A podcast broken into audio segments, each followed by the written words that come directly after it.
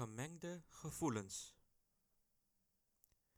Vandaag is het precies één jaar geleden dat ik met gemengde gevoelens neerstreek in het land waar mijn longen in 1992 voor het eerst tot werking kwamen. Ik herinner mij het als de dag van gisteren dat ik onder het afdak zat van een kleine eetzaakje op Zandrij. Het was letterlijk ook de dag van 15 mei dat ik met een lichte spanning in mijn buik zat te wachten om richting de douane-ingang te lopen. Daar zat ik dan met mijn koude rode Fernandes in mijn hand en mijn moeder naast mij. Op dat moment probeerde ik niet te veel terug te denken aan mijn tussen aanhalingstekens laatste rit vanaf mijn huis in La Paraboiti naar Zanderij. Ik kijk uit het raam en het leek alsof de bomen, de huizen, de mensen, de winkel van mijn goede vriend, mijn oude middelbare school, mijn fietsroute, de huizen van mijn kennissen mij groeten. Ik nam ook een beetje afscheid van ze en pinkte een traantje weg. Ik probeerde niet te veel erover na te denken en mij alleen nog verder te verheugen in de reis in zijn algemeen. De opwinding om na jaren weer een vliegtuigreis mee te maken, vanaf het inchecken tot het wachten in de gezamenlijke wachtruimte en het zitten langs het raam van het vliegtuig. Zelfs op het hele douanegebeuren verheugde ik mij. Ik wist zo ongeveer wat te verwachten, want veel verandert er toch niet. En toch. Is het een goede keuze die ik maak?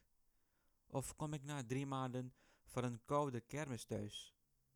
Zal ik het wel kunnen uithouden zonder mijn moeder, mijn huis, vrienden, familie, mijn huisdieren? Ik laat heel veel herinneringen achter. Ga ik het emotioneel wel aankunnen? Kan ik alles en iedereen zo laten gaan? Ik weet dat ik niet aan ieder heb gemeld dat ik wegga. Het zijn er gewoon te veel en ik had geen zin in een Facebook-post om zo alle aandacht te trekken voor een dagje. Ik kreeg achteraf nog WhatsApp en Facebook berichten van wanhopige klanten die mijn diensten nodig hadden. Helaas heb ik ze moeten teleurstellen, net als vele vrienden en kennissen die niet wisten van mijn vertrek uit Suriname. Ik had niet veel zin in het hele afscheidsstramme land en soms is een vaarwel de oorzaak dat je hoop verliest om elkaar nog te zien en spreken. Aan de ene kant was ik boos en ik wou dat ze eens zullen inzien wat mijn waarde voor hen was. Ik heb het dan op professioneel gebied. Ik voelde mij niet goed genoeg gewaardeerd en vaak ook misbruikt voor mijn kennis en kunde, maar ook als persoon zijnde. Veel goede mensen heb ik achter mij gelaten, maar de herinneringen heb ik meegenomen en draag ik altijd mee. Ach joh, ik kom sowieso terug, al is het voor een korte periode. En ooit ben ik er weer voor altijd. Wat een verschrikking was het in het begin. Mijn brein moest nog wennen aan al die betonnen en glazen gebouwen, kilometers prachtig uitziende asfalt, de mensen op straat, de temperatuur. Het was te veel informatie om te verwerken in korte tijd. En ik had toch wat extra tijd nodig om alles te kunnen begrijpen. Ik ben geweldig goed opgevangen door mijn broer en zijn gezin. Het is bij hun waar mijn nieuwe levensreis begon. Al heel gauw kwam ik erachter dat ik geen tijd meer te verliezen had in Nederland, want tijd is iets wat hier kostbaarder lijkt dan in Suriname.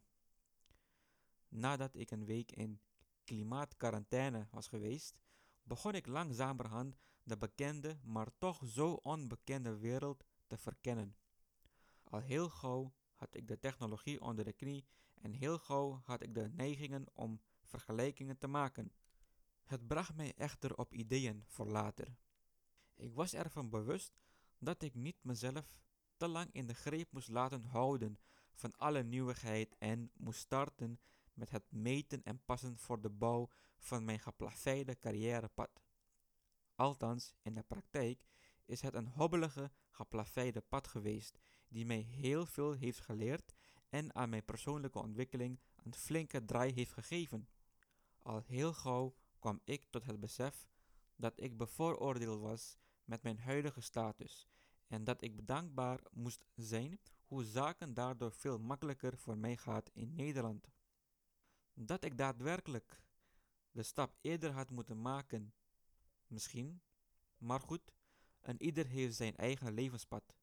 En ik vond het veel veiliger in mijn comfortzone in Suriname. Het ging razendsnel, want in drie weken tijd had ik al een zekerheid van een baan. Een heel spannende periode vanaf het eerste telefonisch gesprek tot aan het persoonlijk gesprek.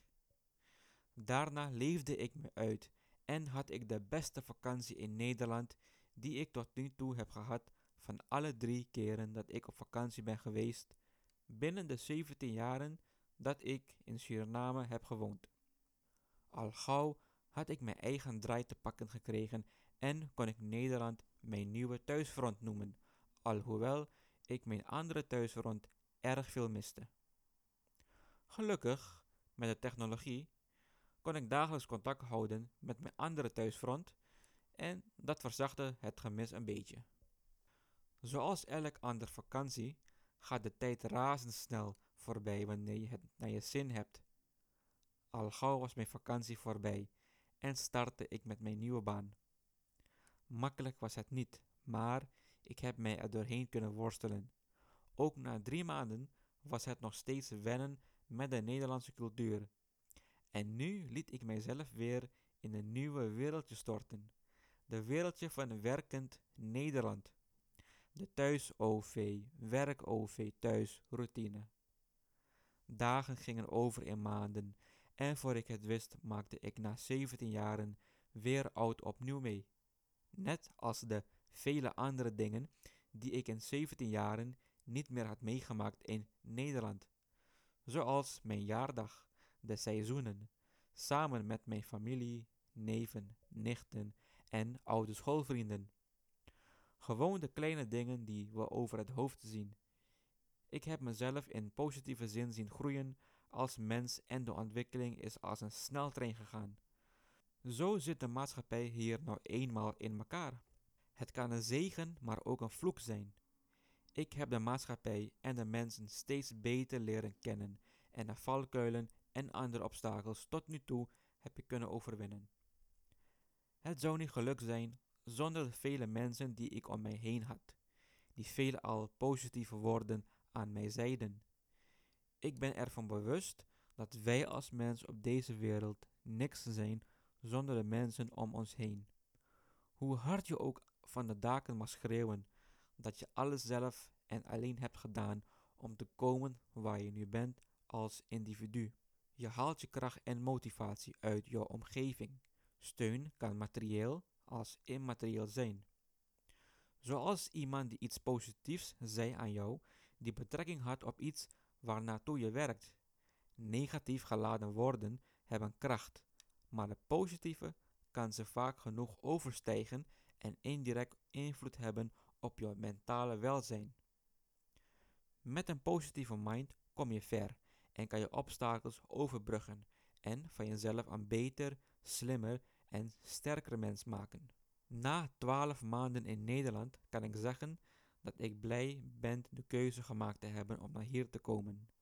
Makkelijk was het niet, maar dat is niks in het leven.